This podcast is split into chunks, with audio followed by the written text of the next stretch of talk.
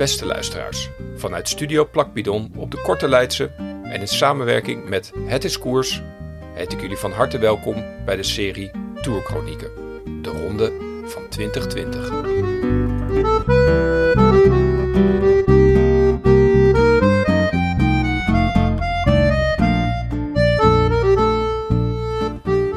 En welkom alweer bij de twaalfde etappe van deze wonderschone ronde.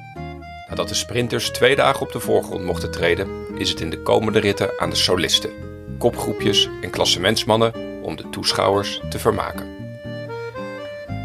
Etappe 12 zal gaan van Chauvigny naar Saran-Corrèze, een heuvelrit over 218 kilometer. Zonder poespas en zonder eromheen te draaien is er simpelweg één renner in deze Tour die zonder twijfel al na de twaalfde etappe de prijs voor de superstrijdlust kan claimen. Sur retour de Marc Hirschi. Een debutant Mark Hirschi. Marc Marc Hirschi Hirschi qui relance. Uh, today, for sure, I will try to go in the breakaway. I think today is a good opportunity. Now Mark Hershey. Hirschi kicks for the line. Nee, aan de superstrijdlust van Mark Hirschi zou niemand meer komen. Zou niemand ook moeten willen komen. Maar we draven door. We lopen op de zaken vooruit en dat terwijl er voor Mark Hirschi toch een flinke overgangsetappe op het menu staat, nadat hij al meerdere dagen in de aanval heeft gereden. Driemaal is in het gewone leven wel scheepsrecht, maar in de wielerij gelden vaak genoeg andere wetten en regels. Hoewel je het van een Zwitser misschien niet zou verwachten, was Hirschi niet zo van het vooruitdenken. Hij had deze Tour geen etappes omcirkeld of aangekruist. Hij ging het gewoon van dag tot dag bekijken. Bekijken hoe zijn benen voelden. Bekijken hoe hij het parcours wist te verteren. En bekijken wie er allemaal wilde ontsnappen. En dan gewoonweg all in gaan en zien waar het schip strandt. Een overgangsetappe. Dat is het stempel wat de rit van vandaag krijgt. Zo'n typische lange rit in de Tour. Aangezien de renners immers wel een zo groot mogelijk deel van Frankrijk moeten doorkruisen in 21 dagen. Vandaag zouden ze al vroeg een tussensprint hebben en na een vlakke aanloop van ruim 100 kilometer dienen de eerste twee heuvels van de vierde categorie zich aan, waarna het enkel nog op en af gaat tot de meet. De etappe start op hoge snelheid. De degens worden gekruist en in den beginnen lijkt het halve peloton mee van voren te willen zitten. Hirschi slaat het gade. Hij blijft alert, maar het voelt voor hem niet als het moment om zich nu al vol in dit strijdgewoel te moeten mengen. Hij ziet de bekende namen plaagstootjes en aftastende tikken uitdelen. Greg van Avermaat, Thomas de Gent, Matteo Trentin. Maar vooral de strijd tussen Sagan en Bennett is opvallend. Waar Sagan gaat, daar gaat ook Bennett en omgekeerd. Na de etappewinst van Bennett in de tiende rit en de declassering van Sagan in de elfde, zat het groene tricot wat vaster om de schouders van de Ier, die hem nu openlijk tot einddoel had gemaakt. Vandaag maakte in ieder geval duidelijk dat Sagan zich niet zonder slag of stoot gewonnen ging geven. Mark Hirschi is een jonkie met een berg talent. In 2018 wordt hij Europees en wereldkampioen bij de belofte, maar in de Nederlandse en Belgische media had hij zijn prestaties dat toernooi overschaduwd zien worden door een nog jongere Belg, met de dan nog wat onbekende naam Remco Evenepoel. Dit klein duimpje, wat dan pas twee jaar op de racefiets zit, na een carrière als profvoetballer te zijn gestaakt, weet bij de junioren als eerste deelnemer zowel de wegwedstrijd als de tijdrit op zijn naam te schrijven, waardoor België in rep en roer raakt. Dat is het ultieme teken van de verzuchting die in ons leeft. Toen ik hem op. Normaal gezien heeft nog niemand de voorbije 15, 20 jaar gepresteerd zoals hij dat gedaan heeft bij de jeugd. Het wordt een medaille voor Remco Evenepoel. Hij hier heeft vele concurrenten en draaien om de oren. Ik hoop dat ik in eh, datgene wat er nog rest als eh, commentator, eh, dat ik nog zoveel mogelijk over hem kan praten. Tja, tegen zoveel geweld, hoop en wens kan je als Zwitser nou eenmaal niet op. Terug naar de etappe van vandaag. Ondanks het moordende tempo in de etappe weten een zestal renners een voorsprong op te bouwen en konden dus ook de eerste zes posities van de tussensprint verdelen. Daarachter komen in bijna vaste volgorde weer Bennett met bodyguard Murkoff en uitdager Sagan op respectievelijk de zevende, achtste en negende plek over de streep. De voorste zes behouden een prima voorsprong, maar nooit te groot om zenuwachtig te worden. Misschien is het wel goed om een keer wat langer te wachten, niet te vroeg te gaan soleren en niet alweer op een tweede of derde plek te eindigen. Was het toeval dat deze gedachte bij hem ontsproot tijdens de doorkomst van het stadje Saint-Léonard de Noblat? De lokale bevolking was vandaag massaal de straat op gegaan om de laatste eer te bewijzen aan hun vorig jaar overleden stadgenoot, Poupou, Raymond Poulidor, de eeuwige tweede van de Tour. Opa van Mathieu van der Poel en met zijn bolle wangen kreeg hij de liefde van het Franse publiek boven dat van veelvraat Anquetil, die de harten van de toeschouwer nooit echt wist te ontroeren. Anquetil qui arrache maintenant sa machine. Est-ce que Poulidor se détache ici lâche Anquetil. Anquetil maintenant peine, c'est le dernier kilomètre pour lui. C'est sa cinquième victoire peut-être qu'il joue dans ce Tour de France.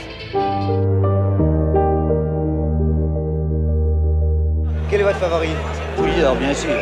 Votre favori Votre favori Poulidor. Votre, votre favori Coucou Votre favori Votre- Poepoe.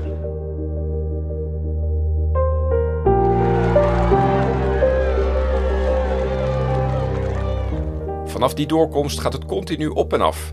En in de laatste 50 kilometer moeten de renners nog beklimmingen van de derde en de tweede categorie verteren.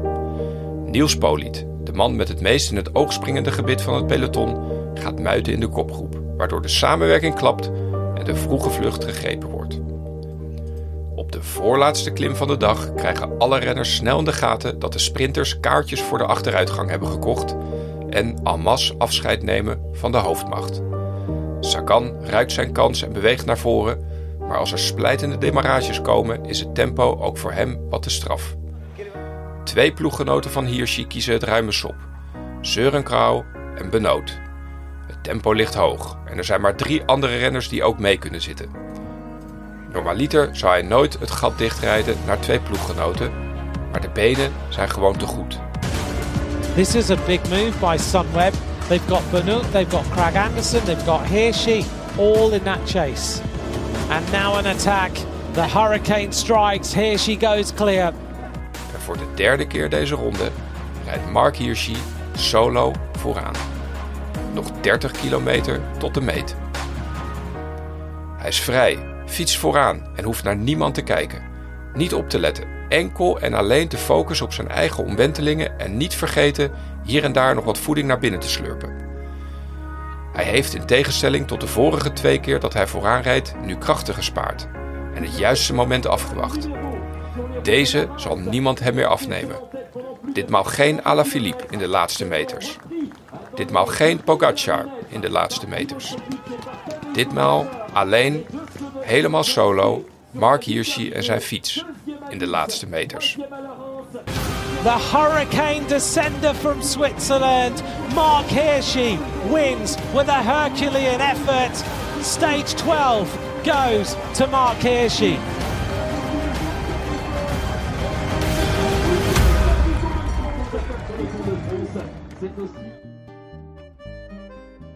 Glimlach van oor tot oor.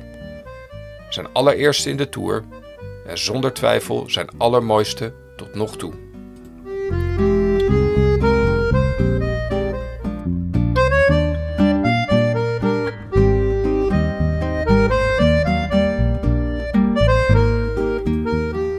En na deze heerlijke solo is het tijd voor de dertiende etappe. Een bergrit van Châtel-Guyon naar Puy-Marie over 191 kilometer. Geschenken geef je met kerstmis of verjaardagen, niet in wielerwedstrijden. Al dus Eddy Merckx. Onze renner is logischerwijs met grootse plannen in Frankrijk begonnen. Ze hebben als team een groep jongens bij elkaar gezet die het stempel vrijbuiter niet misstaan. Gevaarlijke klanten met mooie individuele uitslagen.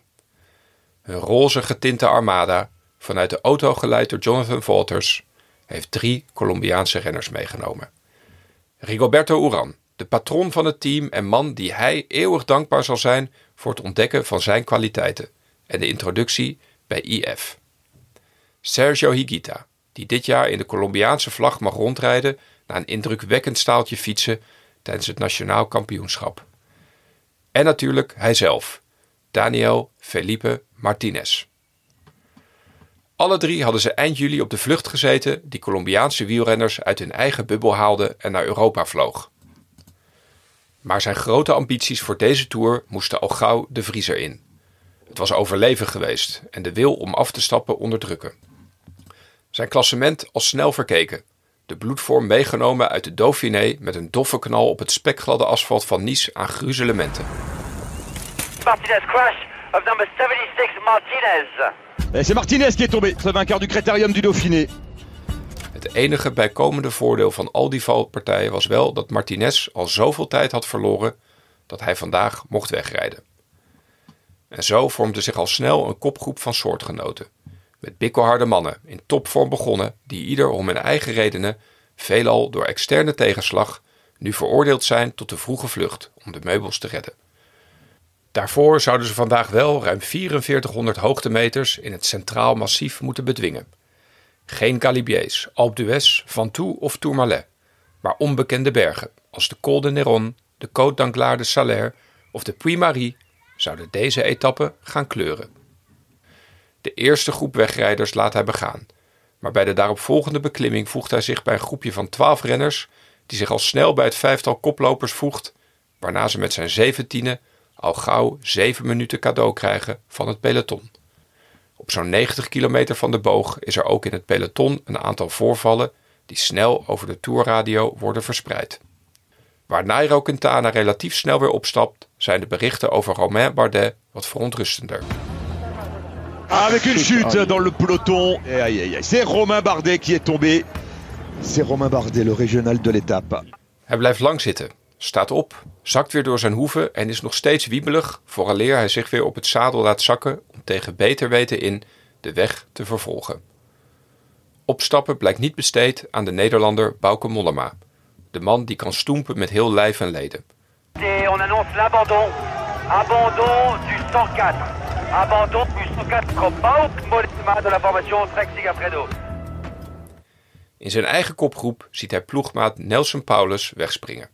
Deze teamgenoot kennen we nog goed van zijn epische strijd en niet aflatende aanvalslust uit de zesde etappe, waarin hij uiteindelijk zijn meerdere moet erkennen in de Kazachstaanse Lutsenko, die op die dag de betere, maar misschien vooral de slimmere renner bleek te zijn. De kopgroep kruimelt als een vochtig zandkasteel uit elkaar en naast Paulus en Martinez zijn er nog twee andere mannen die de benen hebben om mee te doen om de winst.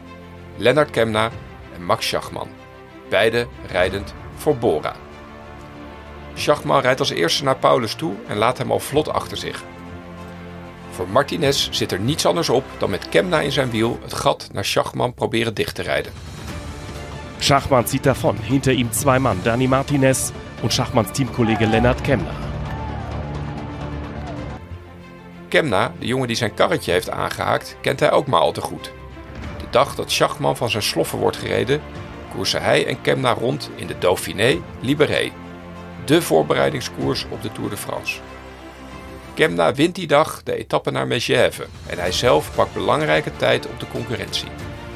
Ineens staat hij in die koers op de derde plek in het klassement, achter de Fransmannen Pinot en Guillaume Martin met nog maar één rit te gaan.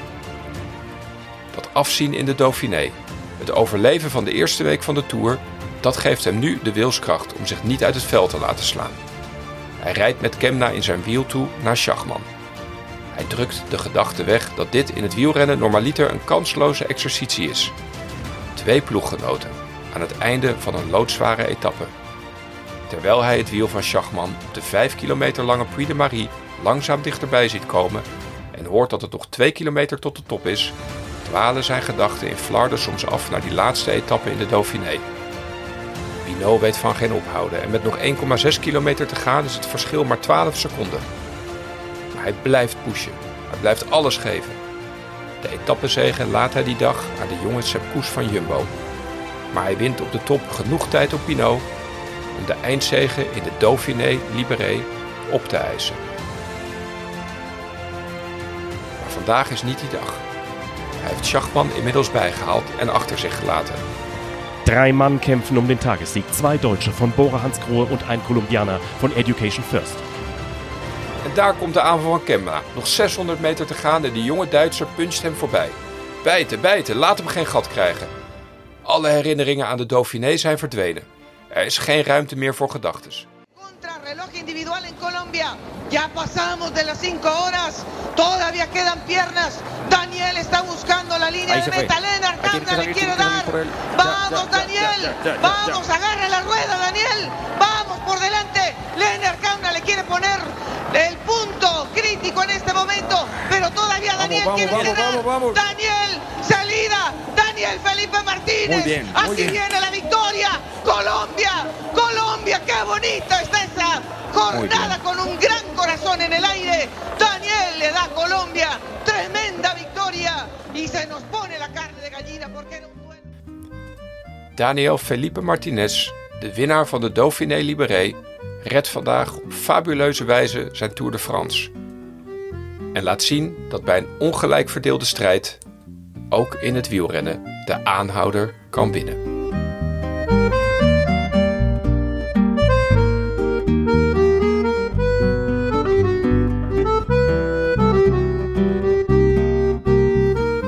Bedankt voor het luisteren naar deze aflevering van Tourchronieken, de ronde van 2020. Tot de volgende!